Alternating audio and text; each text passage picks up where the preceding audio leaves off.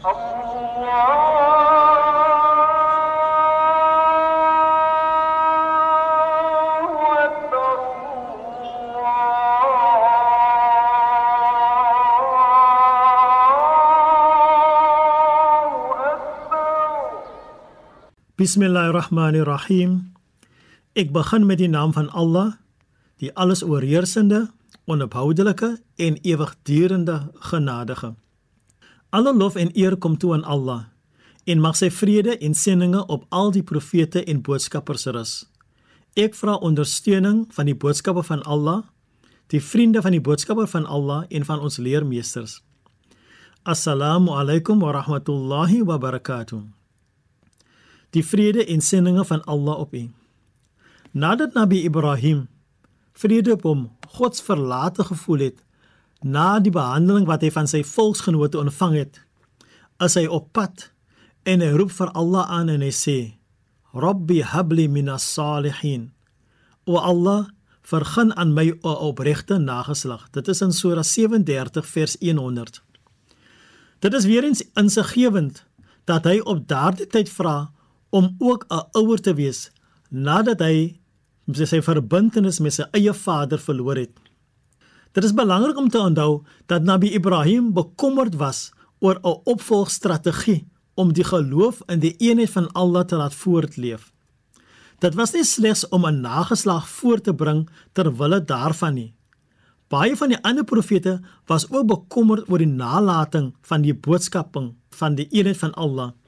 Byvoorbeeld, Nabi Zakaria het gevra vir 'n kind, nie slegs vir kameraderie nie, maar om die boodskap te laat voortleef. Die Nabi vrede op hom het ook nie die mense van Taif laat vernietig nie, maar het dua aangemaak dat daar van hulle 'n nageslag sal wees om die boodskap te aanvaar.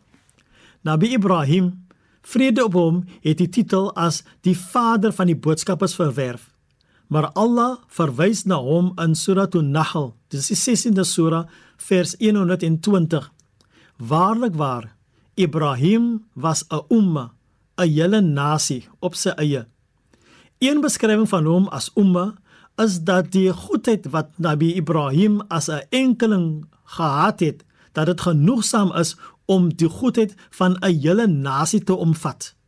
Ander sê weer dat alle nasies wat sedertdien ontstaan het, hulle ontstaan direk kan terugvoer na Nabi Ibrahim. Daar is tog 'n mate van kameraadskap wat hy van aan sy nageslag ervaar het. In Surah Maryam, dit die 19de Surah, op vers 49 sê Allah: "En ons het aan hom gegee Ishak en Jakob, en elkeen van hulle het ons 'n profeet gemaak."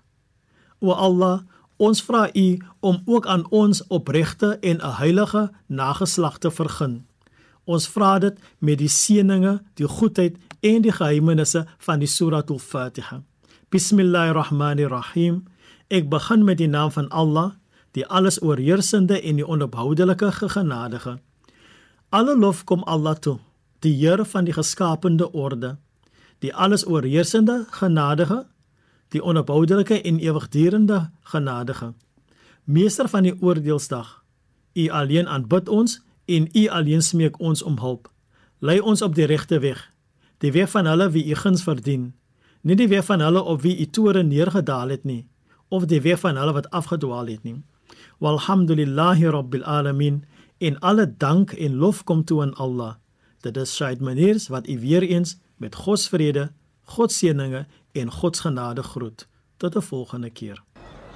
Allah